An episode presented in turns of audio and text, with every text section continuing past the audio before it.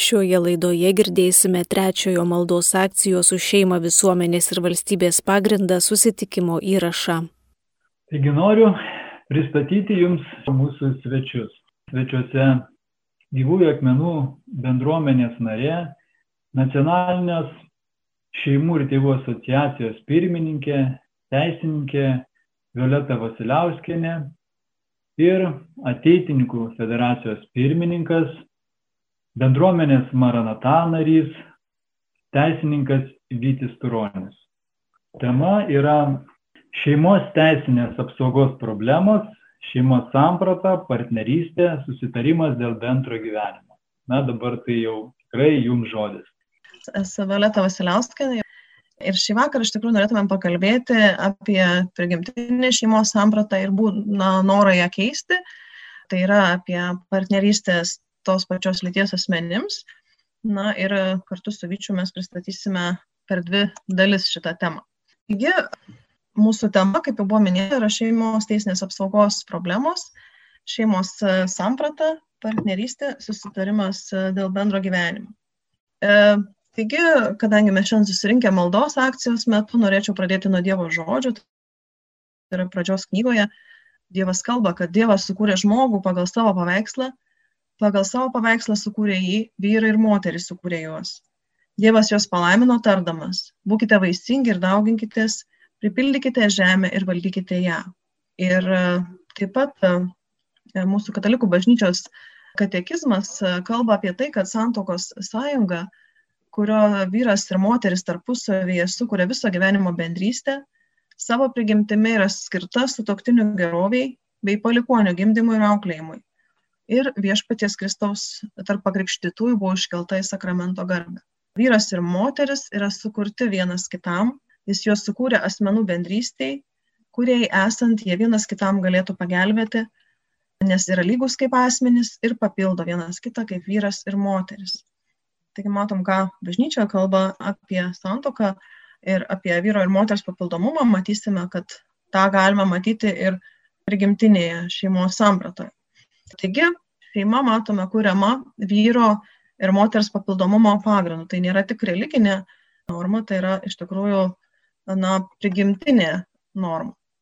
Ir iš tikrųjų tos e, vyro ir moters e, santokos pagrindų kuriama šeima skirtingos civilizacijos egzistavo dar iki valstybių teisės ar krikščionybės atsiradimo. Ir visuomenės šitą šeimą e, ją atpažįsta ir pripažįsta vyro ir moters sąjungos pagrindų kuriamą šeimą kaip natūralią ir gyvybiškai būtiną visuomenės dalį. Žmonėje, norėdama išgyventi, turi pratesti gyvybę, o ją pratęsia būtent skirtingų lyčių sąjunga. Ją svarbu sutvirtinti sąjungos saitais, nes stabili biologinių tėvų šeima yra geriausia aplinka vaikų augimui. Taigi tas e, vyro ir moters skirtingumas ir papildomumas gali būti laikomas šeimos ryšių pagrindu, nes iš jo kyla ir kiti prigimtiniai šeimos ryšiai. Tai yra tėvystė ir motinystė, vaikystė bei giminystė. Todėl e, teisė į prigimtinį šeimos statusą turi tik tai tos bendro gyvenimo formos, kuris turi šitą bruožą. Tai yra ir vyro, ir moters e, e, šeimos, iš ko natūraliai kyla galimybė susilaukti vaikų. Ir santoka kaip institutas, jinai tvirtina šitos natūralius šeimos ryšius, padeda juos labiau apsaugoti, ar ne, tai matom tas lyčių papildomumas, tai yra tik tai vyras ir moters šeimoje, vaikai turi tėtį ir mamą, vyro ir moters šeimos pagrindu taip pat atsiranda giminystė tarp brolių ir seserų. Ir kodėl mes apie tai iš tikrųjų kalbame ir nematom, nuo kitų sąjungų šita šeima skiriasi tuo, kad na, sudaro natūralias prielaidas vaikams gimti ir aukti kartu su tėčiu ir mama. Ir kuogi bandoma keisti šitą šeimos sampratą. Dabar siūlomas e, projektas, tai yra tos pačios lyties asmenų partnerystė, kaip toks teisinis institutas, kaip teisinė taisyklė, jinai būtų įtvirtinta mūsų Lietuvos Respublikos civilinio kodekso trečiojoje knygoje, tai yra šeimos e, teisės knygoje. Taigi, nepriklausomai nuo to, kad partnerystė nebūtų, sakykime, kol kas bent prilyginama santokai. Tačiau šito instituto na, vienas iš bruožų ir na, pasiekmė būtų tai, kad partneriai įgytų irgi šeimos statusą. Tai reiškia, kad tos pačios lyties asmenys galėtų reikalauti irgi šeimos statuso ir su juo susijusių visų teisių. Taip pat kokia rizika, grėsmė ar kokia tendencija matom pasaulyje, kad kaip ir nors girdim tą argumentą, kad partnerystės įteisinimu siekiama apsaugoti santokos institutą, tačiau praktika rodo priešingą poveikį, kad visose valstybėse, kurios, kurios teisino tos pačios lyties asmenų santokas, e, išskyrus Pietų Afrikos Respubliką, prieš tai sekė įvairaus pobūdžio partnerystės institutas. Ir vidutiniškai nuo partnerystės įteisinimo iki santokos sampratos pakeitimo praeidavo 8-9 metai. Tai reiškia, kad na, partnerystė gali būti tik vienas iš žingsnelių pripažįstant tos pačios lyties asmenų santokas. Tai matom, ta prigimtinė šeimos samprata, jinai jau norima pakeisti na, kitokiomis sąjungomis ir pripažįstant jas šeima. Kokie argumentai yra pateikiami viešoje erdvėje ir, ir na, argumentuojant už teisę į santoką, teisę į šeimą tos pačios lyties asmenims, tai pirmiausia, kad tai yra jų teisė į santoką. Na, teisėje žiūrime, ar ne, ar tikrai ta teisė egzistuoja, nes kiekviena teisė paskui sukelia kitų asmenų pareigas. Tai ką mūsų sako pagrindinis teisės aktas, tai yra Lietuvos Respublikos konstitucija apie šeimą. Ji mini, kad šeima yra visuomenės ir valstybės pagrindas, valstybė saugo ir globoja šeimą, motinystę, tėvystę ir vaikystę ir santoka sudaroma laisvų ir vyro ir moters sutarimu. Būtent šeima, o ne individas yra visuomenės ir valstybės pagrindas. Taigi šita samprata apima sutoktinių ir nesusituokusių vyro ir moters arba vieno iš jų ir jų vaikų tarpusavio santykius. Tai šiame straipsnėje minima tik santuoka, tėvystė, motinystė ir vaikystė. Kitokių šeimos e, pagrindų mes nematome ir kitose įstatymuose taip pat šis e, vyro ir moters papildomo principas yra įtvirtintas, tai yra civilinis kodeksas, šeimos stiprinimo įstatymas, vaiko teisų apsaugos pagrindų įstatymas. Tai matom, kad mūsų teisėje na, toks argumentas jisai ir netitinka. Ta pati galima pasakyti ir apie tarptautinę teisę, kuri neįtvirtina neribotos teisės į santoką, to nenumato nei universalus e, žmogaus teisų dokumentas, tai yra Tarptautinis pilietinių ir politinių teisų paktas, nei Europos žmogaus teisų konvencija. Abiejų šitų dokumentų straipsniai numato, kad šeima valstybė saugo, šeima yra pagrindinė visuomenės lastelė ir santokos teisė yra rezervuojama vyrams ir moteriams sulaukusiems santokinio amžiaus. Taigi, priešingai negu teigia mūsų oponentai, valstybė nepažeidžia žmogaus teisų atsisakydama suteikti šeimos statusą tos pačios lyties asmenims ar kitiems artimų ryšių siejamiems asmenims. Tai matom, tokios neribotos teisės e, nėra ir Europos žmogaus teisų teismas taip pat yra paminėjęs, kad e, Europos žmogaus teisų konvencijos nei 12 straipsnis, nei kiti e, straipsniai, kuriais buvo bandoma remtis, nesuteikia tos pačios lyties asmenims teisės į santuoką šita teisė paliekama valstybės nuožiūrai. Tai matom ar ne vienas iš argumentų apie teisę į santoką. Kitas pateikiamas argumentas dažnai yra lygybės argumentas, na, kodėl diskriminuojame tuos asmenis, kurie norėtų irgi susituokti. Ir iš tikrųjų čia reikėtų prisiminti tai, kad valstybė pati nesukuria asmenų lygybės, jinai yra prigimtinė, tačiau yra ir prigimtiniai bei įgyti skirtumai.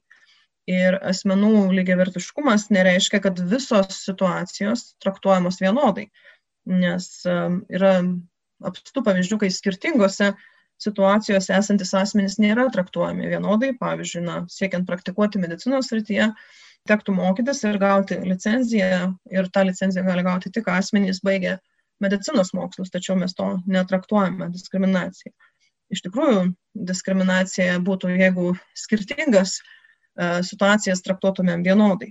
Ir e, kas šiuo atveju būtų teisingumas, e, nes tai irgi, jeigu tai neteisinga, nesuteikti teisės į santuoką, teisinga skirtingas situacijas traktuoti skirtingai ir suteikti tas, kas yra teisinga. Tai matom, kad vyro ir moters sąjunga yra iš tikrųjų kokybiškai skirtinga, reiškia, kad na, jinai turi natūralią galimybę pratesti gyvybę, joje na, vaikams yra geriausias interesas aukti ir na, neteisinga būtų tokią pat statusą suteikti ir poroms, kurios neturi tokių požymių.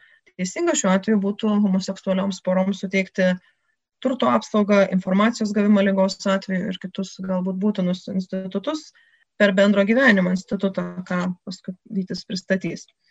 Taigi, kalbant apie kodėl dar, ar ne, kodėl mes kalbame, kad tik vyro ir moters sąjunga, kurioje potencialiai gali atsirasti natūraliai vaikai, yra geriausia visuomeniai, tai tie bendrojo gyrio argumentai keletas aspektų. Ne? Tai pirmiausia, kas mums artima ir svarbu, tai yra vaikai. Kas geriausia vaikams? Ne? Tai iš tikrųjų vaikams na, homoseksualių porų pripažinimas šeima reikš ir teisę įvaikinti vaikus, tačiau tuo būdu mes pažeidžiame vaiko teisę turėti tėtį ir mamą.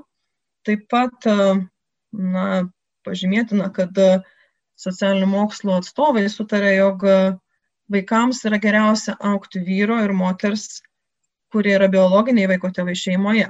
2012 metais Junktinėse Amerikos valstijose docentas Regneris atliko studiją, kurioje buvo nurodyta, kad vaikai, kuriuos augino vienos, tos pačios lyties asmenų poros, patyrė daug daugiau sunkumų gyvenime, skaitant lytinę prievartą, didesnė nedarbo tikimybė negu vaikai augę biologinių tėvų šeimoje. Tai matom, moksliniai tyrimai ir nerodo vaiko interesų prioritetą. Taip pat e, dirbtinio apvaisinimo procedūrų prieinamumas e, taip pat būtų prieinamos jos ir tos pačios lyties asmenų partneriams, kadangi na, jie būtų pripažinti šeima ir dirbtinio paisinimo įstatymė tas yra. Ir taip pat įvaikinamų vaikų, būtų galima sakyti, kad jie gali įsivaikinti ir ne, bet įvaikinami vaikai jau būna patyrę priraišumo traumą ankstyvame raidos etape ir todėl jiems reikalinga ypatingai saugi psichologinė aplinka. Ir nesvarbu, kurios orientacijos būtų vaikai, visi jie turi poreikį prigimtinė šeima patirti santykius tiek su tėčiu, tiek su mama. Na ir ką mes e, skatintume, legitimizuodami, normalizuodami tos pačios lyties partnerystės, ar ne, tai galime moksliniais tyrimais remdamiesi teikti, kad yra didesnės sveikatos rizikos e, partneriams, kurie yra tos pačios lyties asmenų sąjungose. Tai yra fizinė sveikata, ypač galim pažymėti vyrų, fizinė sveikatos rizika, tai yra didesnė rizika užsikrėsti žyvą virusų, kalbant apie psichikos sveikatą, žinome, kad LGBT bendruomenės nariams kyla didesnė savižudybės rizika, dažniau serga depresija, patiria nerimo sutrikimus ir panašiai. Ir taip pat tuo normalizuojant šitos santykius padarytumėm didelį įtaką jaunuoliams, kurių lytinė tapatybė formuojasi. Ir iš tikrųjų didelė studija 2019 metais atlikta parodė, kad neegzistuoja genas ar genai, kurie nulėmė asmens homoseksualią orientaciją. Ir taip pat prie to dar galim pažymėti, kad e, žymi mokslininkė, nors pati homoseksualios orientacijos, patvirtino teiginį, kad ši orientacija keičiasi gyvenimo eigoje, taigi yra tikrai didelė e, rizika tokių santykių normalizavimų daryti poveikį paaugliams ir suaugusiems. Na ir galiausiai atsisakė to monogamijos principo, tai yra vieno vyro ir vieno moters papildomumo pagrindų sudarytos šeimos, tai yra to papildomumo principo, kas toliau, ar ne, tai tada, jeigu tai nebėra tarp vyro ir moters, kurie vienas kitą atitinka ir iš jų atsiranda gyvybė, kodėlgi tai turėtų būti tik tarp dviejų asmenų, ar ne, tada jau mes kalbame apie poligaminės šeimas, kitas santokos formas ir panašiai, tai, žodžiu, ta riba labai išsiplečia. Taigi, dėkoju Jums ir norėčiau su šituo perleisti žodį Vyčiui toliau. Ačiū Violeta. Tikrai informatyvus pranešimas, sakyčiau, labai daug informacijos ir e, netgi nelengva sekti pakankamai. Tai aš iš tikrųjų noriu visų, viena vertus padėkoti noriu iš pradžių, kad tikrai susirinkome, reiškia, nemažai daliai žmonių rūpi šitie klausimai, bet tai reiškia, tai yra aktualu. Ir kita vertus, truputį noriu ir atsiprašyti. ir pasiteisinti, nes iš tikrųjų smagu yra, kad, kad galima kalbėti, kad na, kaip teisininkas galiu pristatyti savo matymą situacijos, bet kita vertus jaučiuosi truputį nejaukiai. Nes kai pradėjom šitą susitikimą, mes dar netransliavom visko į, į viešą erdvę, man atėjo toks labai vidinis geras jausmas, toks abstrakčiai kalbant, kad viskas bus gerai. Ir tada kažkaip tai galvoju, nu taip mes kalbam apie tos sudėtingus dalykus, apie, apie iššūkius šeimai ir reikia apie tai kalbėti, bet man atrodo, neturim atitraukti dėmesio nuo vieno iš pagrindinių dalykų. Tai yra, kad šeima yra didelė malonė. Ir turbūt nuo mažens kiekvienas vaikas, aš pats auginu dukrytę, mažą ir, ir, ir vaikinus, jau paauglius. Ir aš žinau, kad jų troškimas didžiausias yra sukurti gražią šeimą. Ir būti laimingais toje šeimoje. Būti gerais vyrais. Žinoma, merginos galvoja būti geromis žmonomis. Šeima yra toks dalykas, kurį labai sunku užmušti. Bolševikai Rusijoje pirmojo dešimtmečio metu prie Lenino bandė labai nuoširdžiai ir galiausiai nepavyko. Tai aš manau, kad nieko blogo ir, ir dabar neįvyks, bet jeigu nieko žmonės nedarys ir žiūrės tiesiog kaip tam tikros ideologinės rovės e, mūsų valstybėje elgesi kaip savo namuose ir galbūt kažkokios tai aktyvios mažumos, bet visgi taip uždominuoja viešąją erdvę, kad iš esmės paneigia demokratiją pačią, tai niekam nuo to nebus geriau. Tai dovanokit už tokią įžangą ir aš toliau pabandysiu kalbėti kaip įmanoma paprasčiau. Šiandien per 10 minučių norėčiau įgyvendinti savo tikslą, užsibrėžiau, tai yra mano pagrindinis tikslas šiandien yra, kad jūs kaip įmanoma aiškiau galėtumėt suprasti skirtumą tarp partnerystės ir susitarimo dėl bendro gyvenimo įteisinimo. Yra du institutai, du pasiūlymai Seime, Susitarimo dėl bendro gyvenimo institutas jau pasiūlymas jam yra projektas praėjęs pateikimo stadiją. Kaip žinome iš žmogaus teisų komiteto pirmininko dabar Laisvės partijos nario Tomo Vytauto Raskevičiaus pranešimo sausio 13-osios proga Lietuvos žmonėm, partnerystės projektas dar yra ruošiamas bet jau mes daugmaž žinome, koks jis bus. Be bejonės jis bus lyčiai neutralus, tai reiškia, kad jį galės sudaryti du tos pačios lyties asmenys. Ir dabar jau šiek tiek Violeta minėjo tą problematiką, kodėl tai nėra gerai, tai aš tiesiog dar kartą pasikartosiu labai trumpai ir pasakysiu, kad klausimas iš tikrųjų kyla ne tiek dėl pasirinkimo vieno ar kito reguliavimo, kiek ar mes toliau kaip valstybė, kaip piliečiai norim išlaikyti konstitucinę tokią diskriminacinę nuostatą. Čia gal kai kam atrodys kontroversiškai mano pasakymas, bet iš tikrųjų konstitucija yra vienas labiausiai diskriminuojančių teisės aktų, kokį mes turime. Nes konstitucijoje tauta nusprendžia, kokia yra tautos vertybių hierarchija. Ir tą mano jau kolegė Violeta paminėjo, kad Konstitucijos 38 straipsnis įtvirtina ne tai, kad individas yra visuomenės ir valstybės pagrindas, kur aš manau, kad na, dabar daugelis žmonių sakytų, taip, žmogus yra visuomenės ir valstybės pagrindas. Bet mes kaip tauta apsisprendėme, kad ne, vienas žmogus negali būti visuomenės ir valstybės pagrindu šeima yra visuomenės ir valstybės pagrindas. Ir tam sprendimui, kuris nėra vienintelis galimas sprendimas, pritarė didžioji dauguma Lietuvos piliečių. Mano giliu įsitikinimu ir dabar daugybė Lietuvos piliečių tam pritarė. Net ir tie žmonės, kurie sutinka ir sako, taip, mes turėtume turėti tam tikrą teisinį reguliavimą, kuris pagelbėtų tos pačios lyties poroms, nesikišant į jų moralinius dalykus, nevertinant moraliai, nes galbūt, na, tarkim, gyvenam tokioj pluralistiniai visuomeniai, kur gali būti skirtingų suvokimų kas yra geras gyvenimas, tai, na, leiskim jiems gyventi, reikėtų šiek tiek sureguliuoti jų teisinius santykius, bet bet kuriuo atveju aš manau, kad taip pat ir jūs pritarsite, kad tai neturėtų būti mūsų konstitucinių vertybių sąskaita. Kitaip tariant, tokie bandymai reguliuoti tos pačios lyties porų santykius natūralu kyla visiems kurie turi kažkokius santykius tarpusavio įvairių konfliktų ir jeigu teisė padeda juos spręsti, tai gerai. Tai šitas sprendimas neturėtų padaryti daugiau žalos negu atnešti naudos. Taigi, mėlyjeji, vienoj pusėje mes turim partnerystės institutą, kuris bus siūlomas visai turbūt greitai jūs spaudoje išgirsite. Tai jau kaip ir minėjau, jo tikslas yra sukurti alternatyvų santokai teisinį būdą sukurti šeimos teisinius santykius. Tai yra labai įdomus sprendimas, nes jeigu mes paimsime konstituciją, tai konstitucijoje mes nerasime kito teisinio būdo kurti šeimos santykius tarp giminystės ryšiais nesėjimų asmenų, kaip tik santuoka.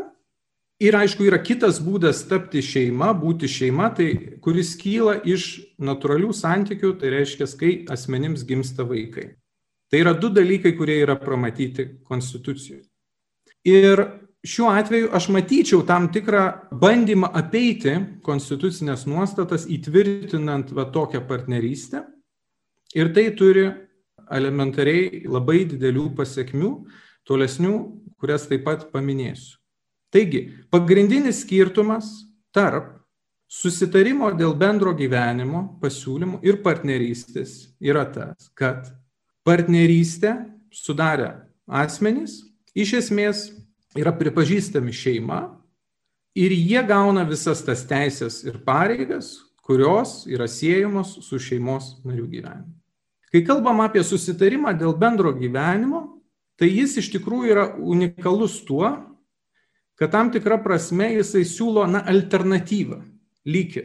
Alternatyva būtų tokia, kad mes galime Seime susitarti dėl tam tikros teisių ir pareigų apimties, kuri yra reikalinga asmenims spręsti praktinės su jų bendru gyvenimu susijusias problemas. Tam tarpe turto padalymą, jeigu išsiskiria keliai, paveldėjimo klausimus, galbūt sveikatos klausimus, kada tikrai vienas iš žmonių patenka į ligoninę, reikia galbūt sužinoti informaciją apie jį ir kitą. Aš negaliu išvardinti šiandien baigtinio sąrašo, nes čia yra tokio politinio sutarimo dalykas, kur baigėsi teisės ir pareigos, kurios gali atsirasti vien iš to, kad asmenys veda bendrą gyvenimą kartu. Tai tiek apie partnerystę, tiek apie susitarimą dėl bendro gyvenimo mes dar galim taip truputį abstrakčiai kalbėti, dėl to, kad neturim galutinių teisės aktų. Bet bendra idėja yra ta, kad partnerystė įteisinus automatiškai yra iškreipiama konstitucinė šeimos samprata, įteisinus susitarimą dėl bendro gyvenimo yra sprendžiamos praktinės asmenų problemos. Kitas labai svarbus dalykas, kuris daro susitarimo dėl bendro gyvenimo institutą visiškai skirtingą nuo partnerystės, yra tas, kad susitarti dėl bendro gyvenimo gali ne tik du žmonės, bet ir pavyzdžiui trys žmonės. Gali būti artimi giminaičiai. Kodėl taip yra? Dėl to, kad poreikis reguliuoti asmenų bendrai gyvenančių teisinius santykius kyla ne dėl to, kad jie yra pripažįstami šeima, o iš jų bendros valios, laisvos valios. Ir čia aš norėčiau trumpai truputį pakalbėti apie partnerystės instituto genezę. Tai to reikia dėl to, kad suprastume, kaip apskritai atsirado partnerystė. Kodėl jos reikėjo. Pačioje pradžioje tikrai niekas nekalbėjo, kad yra tos pačios lyties asmenys, kuriems reikia, na, pripažinti juos šeimą. Dėl moralinių slinkčių ir įvairių posūkių mūsų visuomenėje Taip jau nutiko, kad drastiškai pradėjo mažėti santokų skaičius ir didėti skirybų skaičius. Žmonės e, nebenorėjo kurti santokų. Tačiau, na, vyras ir moteris natūraliai traukia vienas kitą ir vis tiek jie, na, gyvendavo kartu ir mes turbūt savo draugų rate, žinome porų, kurios gyvena kartu nesukūrę savo, na, santokinės šeimos, taip vadinkime. Gyvena de facto šeimos gyvenimą. Bet tie asmenys nėra pasižadėję vienas kitam. Ir būna taip, kad gyvena asmenys gan ilgai. 10 metų, 15, 20, atsiranda vaikai, užgyvenamas tam tikras turtas, moteris dažnai lieka namuose, prižiūri vaikus, vyras šiuo atveju daro karjerą, uždirba pinigus, na, už tuos uždirbtus pinigus yra perkami įvairūs gėriai. Ir galiausiai vieną dieną tas mūsų brangusis, na, su kuriuo tai buvo gera gyventi ir smagu, jisai pasako, žinai, aš vad pasiimu tai, kas mano ir išeinu. O tas, kas jo, dažniausiai būna labai daugas, nes didžiąją dalį to nesantokinio gyvenimo jisai ir buvo tas, kuris uždirbinėjo pinigus. Ir štai čia valstybės politikams iš tikrųjų iškyla didelė problema ir jie klausia savęs, ką mes dabar darysime su daugybė moterų, su vaikais, kurie yra palikti. Mesgi žinome, kad de facto tie žmonės lyg ir gyvena šeimos gyvenimą. Bet kadangi jie vienas kitam ir visai visuomeniai nepasakė taip, aš laisva valia prisijimu tas teisės ir pareigas, kurios kyla iš santokos, jie lyg ir laisvi ir lyg valstybė dabar nereguliuoja šitų santykių. Todėl buvo pradėta mąstyti, kad galbūt galima tam tikrų momentų pasakyti, kad, na, jeigu jau asmenys pakankamai ilgai kartu gyvena, jeigu jau galbūt ten yra ir vaikų, tai iš tikrųjų susiklostė tarptų asmenų šeimos teisiniai santykiai. Ir čia yra didelė klaida taip manyti, nes visgi liberalioji demokratijoje asmuo negali būti apkrautas tokiomis pareigomis, kurių jis pats laisva valia neprisijėmė. Galime svarstyti, galbūt tai, kad asmuo tikrai ilgai gyvena su kitu žmogum, rodo, kad, na, jis konkludentiniais veiksmais, atsiprašau už teisinį terminą, tai yra tiesiog pačiais savo veiksmais ilgą laiką gyvendamas su kitu žmogum, jau sakė, kad aš noriu sukurti su tavim šeimą.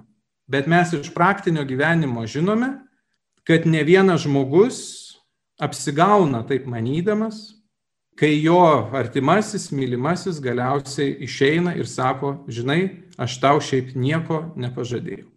Tai mano tezė šitoj vietoj būtų tokia, kad neįmanoma teisiniais metodais išspręsti moralinių visuomenės problemų. Nes bandydami tai padaryti, mes sukūrėm jų dar daugiau.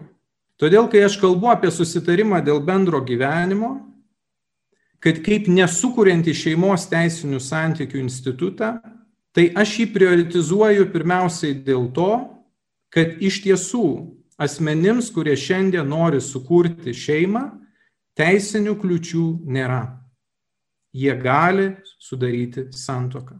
Nėra jokių rimtų argumentų, kodėl valstybėje tuo pačiu metu turėtų egzistuoti du skirtingi režimai tiem patiems teisiniams santykiams atsirasti. Nes, kaip jau minėjo mano kolegė, Europos žmogaus teisų konvencija įpareigoja, kad šeimos, nesvarbu kokiu būdu sudarytos, nebūtų tarpusavėje diskriminuojamos. Tai reiškia, kad asmenys turi turėti tas pačias teisės ir pareigas, kurios jiems priklauso dėl to, kad jie yra šeima. Nesinori gazdinti, bet visgi norėčiau pasakyti dar vieną dalyką. Atrodytų, duokime visiems visko, ko jie nori.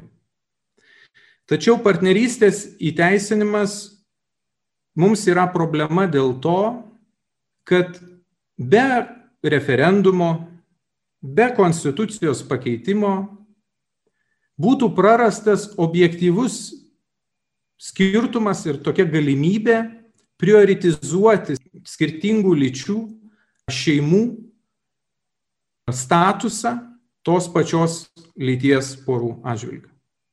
Ir kontroversija iškyla tada, kai mes mastome tokiais labai paprastais pavyzdžiais. Pavyzdžiui, jau dabar pagalbinio apvaisinimo įstatymo penktas straipsnis numato, kad į pagalbinę apvaisinimą teisę taip pat turi ir partneriai.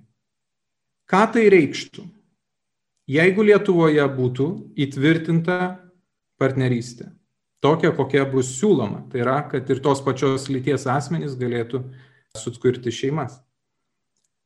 Tos pačios lyties poros yra nevaisingos de facto nuo pat pradžių.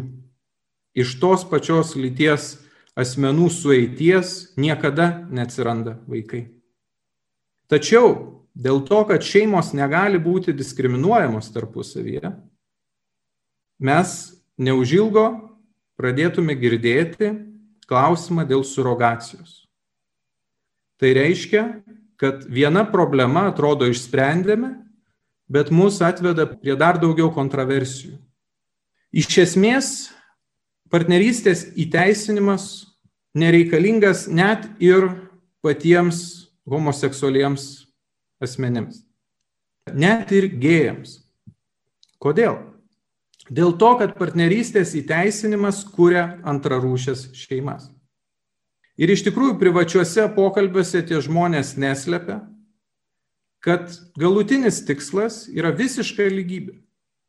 Tai reiškia, kad mes, kaip visuomenė, pripažintume, kad nėra jokio objektyvaus skirtumo tarp dviejų tos pačios lyties asmenų poros bendro gyvenimo ir šeimos.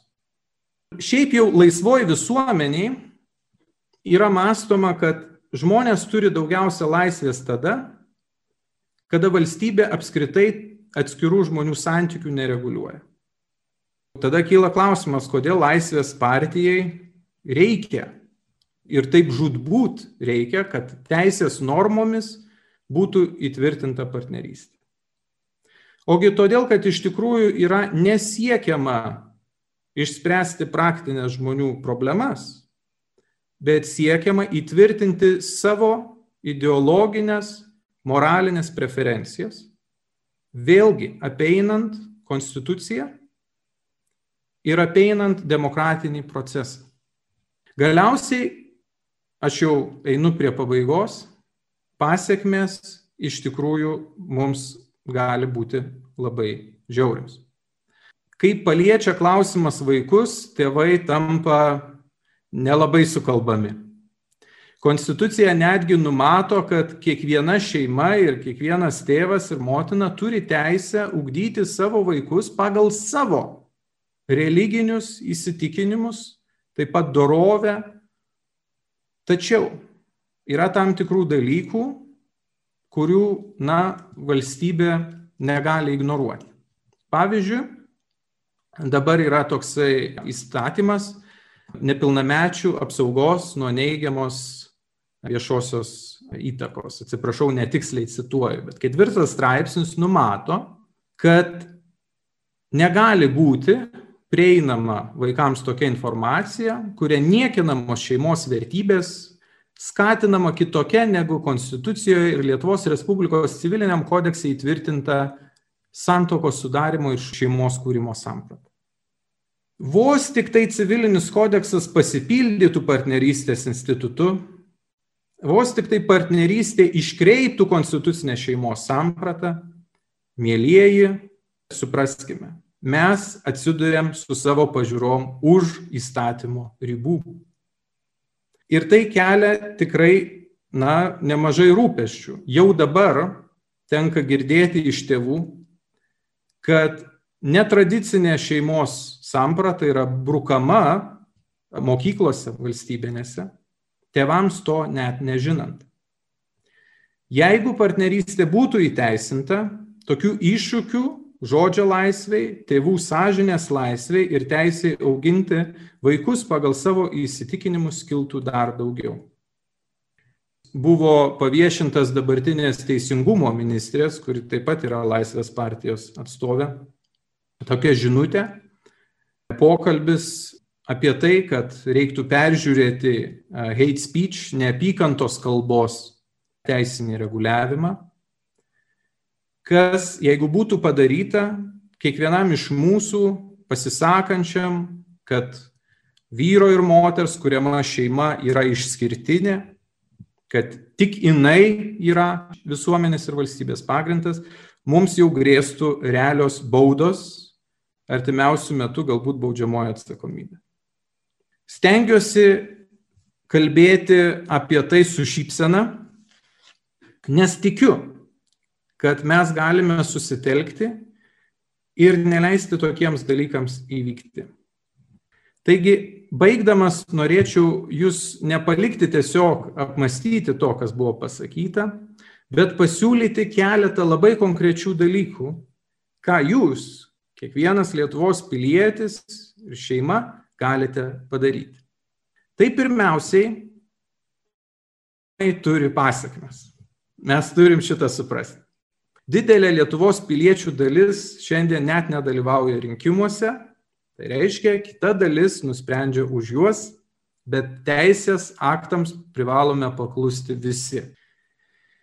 Ir čia yra labai svarbu, jeigu jūs dalyvavote rinkimuose, o balsavote, turiuomenį, ir net jeigu ir nebalsavote, nepatingėkite paskambinti savo Seimo nariui, parašyti elektroninį laišką Patikėkite, jie netaip dažnai sulaukia piliečių laiškų ar skambučių.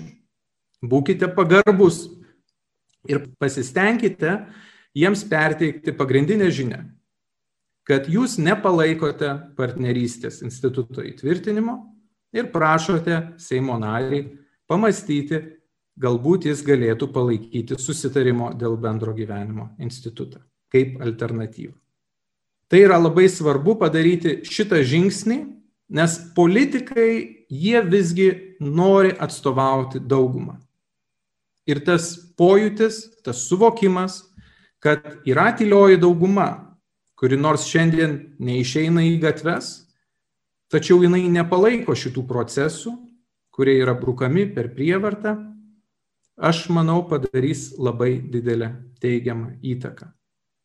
Prašau jūsų ir toliau sekti įvykius ir domėtis, kalbėtis su savo artimaisiais šiais klausimais. Nėra taip lengva. Nes net ir žmonės, kurie patys turi homoseksualų potraukį, viešai kalbėdami apie šeimos vertybės, jie susilaukia nepykantos iš kitų. Bet nėra ko bijoti. Žmonės, kurie tvirtai tiki, kad tai, ką sako, yra teisinga, neturi ko bijoti ir ypač neturėtų bijoti civilizuoto viešo diskurso, nes ačiū Dievui esame nepriklausomoje Lietuvoje, kur galime džiaugtis žodžio laisvę. Tačiau aš matau grėsmę, kad daugelis iš mūsų nepasinaudos šitu mano pasiūlymu. Ir dėl to norėčiau pasakyti, kad yra keturi pagrindiniai visuomenės narių nutildymo žingsniai. Pirmiausiai, mums sakoma, kad mūsų retorika yra per daug kovinga ir mes turėtume rinktis labiau politkorektiškus žodžius ir bandyti prieiti tokį užglaistytą prieimą prie klausimų, kuriais mes nesutarėme. Tada mes bandom taip švelninti toną įvairiai. Galiausiai mums pasako iš vis kad mes negalim pasisakyti, kad tam tikros nuomonės negali būti girdimos viešoje erdvėje. Tada mes nutylame. Ir galiausiai yra paskelbiama, kad angliškai silence is violence, kas reiškia tylėjimas yra smurtas. Ir jeigu jūs entuziastingai nepritarėte toms idėjoms, kurios yra brukamos viešojosios propagandos būdu, jūs esate paskelbiamas už įstatymo ribų. Šito mes negalime leisti, nes savo vaikams mes norime ateities, kurioje tiesa apie šeimos ir santokos šventumą, jos reikšmę žmogaus gyvenime, jos svarbą, jos gėrį negali būti paslėpta. Dėl to mūsų konstitucijos tėvai ir įrašė, kad šeima, o ne individas, yra visuomenės ir valstybės pagrindas. Tai ačiū Jums uždėmesį ir lauksiu, mielai atsakysiu į klausimus, jei tokių bus. Dėkui. Taigi turime jau vieną klausimą, nežinau, kuris e, norėtų atsakyti. Klausimas štai koks. Ar negali būti taip, jog ir prieimus bendro gyvenimo institutą vis tiek po kiek laiko bus prieita prie partnerystės ir vėliau prie santokos? Čia labai geras klausimas. Iš tikrųjų, tai aš galėčiau taip pasakyti, partnerystės institutas kaip alternatyvus režimas, na, kaip aš ir minėjau, jo nauda apskritai yra abejotina, bet susitarimo dėl bendro gyvenimo institutas, jisai tikrai galėtų būti net tada, jeigu partnerystė jau būtų įtvirtinta. Dabar klausimas, ar nenutiktų taip, kad yra įtvirtinamas susitarimas dėl bendro gyvenimo, bet po to yra kovojama dėl partnerystės toliau. Aš noriu truputį tokį grįžimą atgal mintimis padaryti trumpą ir pasakyti, kad dar prieš dešimt metų buvo bandoma sakyti, kad partnerystės institutą yra siekiama įteisinti išimtinai kaip vyro ir moters šeimos kūrimo būdą. Ir tada kai kurie na, labiau susipratę žmonės sakė, ne, ne, čia už šito slypi tos pačios lyties asmenų porų, e, reiškia, teisinis reguliavimas, nors to tiesiai buvo nesakoma. Dabar tai jau sakoma tiesiai. Aš manau, kad jeigu mes dar pratemtume 50 metų, pats tas ideologinis spaudimas įteisinti partnerystės institutą, jisai tiesiog, na, prarastų prasme ir mes pradėtume kalbėti iš esmės jau tada apie tai, ką aš ir šiandien sakau, kad iš tiesų LGBT judėjimui nereikia partnerystės, jiems reikia santokos. Nes tai yra tik tai tarpinis e, laiptelis. Todėl ideologinė kova tikrai nepasitrauktų. Yra ne vienas straipsnis e, teisininkų palaikančių partnerystės įteisinimo idėją kurie sako, kad e, susidarimas dėl bendro gyvenimo nėra jokių būdų alternatyva. Bet tokiu būdu, kad šitas instituto pasiūlymas atsirado, tampa aišku, kad iš tiesų nėra siekiama praktiškai padėti tiem žmonėm, kuri turi tos pačios lyties asmenims potraukį, gyvena kartu de facto kaip pora, teisiniu būdu, bet iš tiesų siekiama keisti šeimos sampratą. Nes padėti tiems asmenims galima ir per alternatyvų institutą, nekuriant, neiškraipant šeimos sampratos. Atsiprašau, kad tai plačiai, bet tikiuosi atsakiau. Taip, ir turime dar vieną klausimą. Jeigu partnerystė būtų priimta, ar galima ją būtų atšaukti? Na, iš tikrųjų, manau kad dėl teisinio tikrumo būtų labai sudėtinga atšaukinėti institutą, kur, sakykime, jau asmenys būtų įgyję tam tikras teisės. Būtų, manau, sudėtinga žengti atgal, nes jau mes būtumėm sukūrę kažką, sukūrę žmonėm teisės, tam tikrą statusą ir nu, tas atgalinis žingsnis būtų labai nepaprastas, bent jau mano pirminiu tokiu teisiniu žvilgsniu kalbant. Ačiū Jums uh, už atsakymus atrodo, kad daugiau klausimų nebeturime, taigi dėkojame mūsų prelegentams. Girdėjome trečiojo maldos akcijos už šeimą visuomenės ir valstybės pagrindą susitikimo įrašą, kurio metu kalbėjo nacionalinė šeimų ir tėvų asociacijos vadovė Violeta Vasiliauskenė ir teisininkas Vytis Turonis.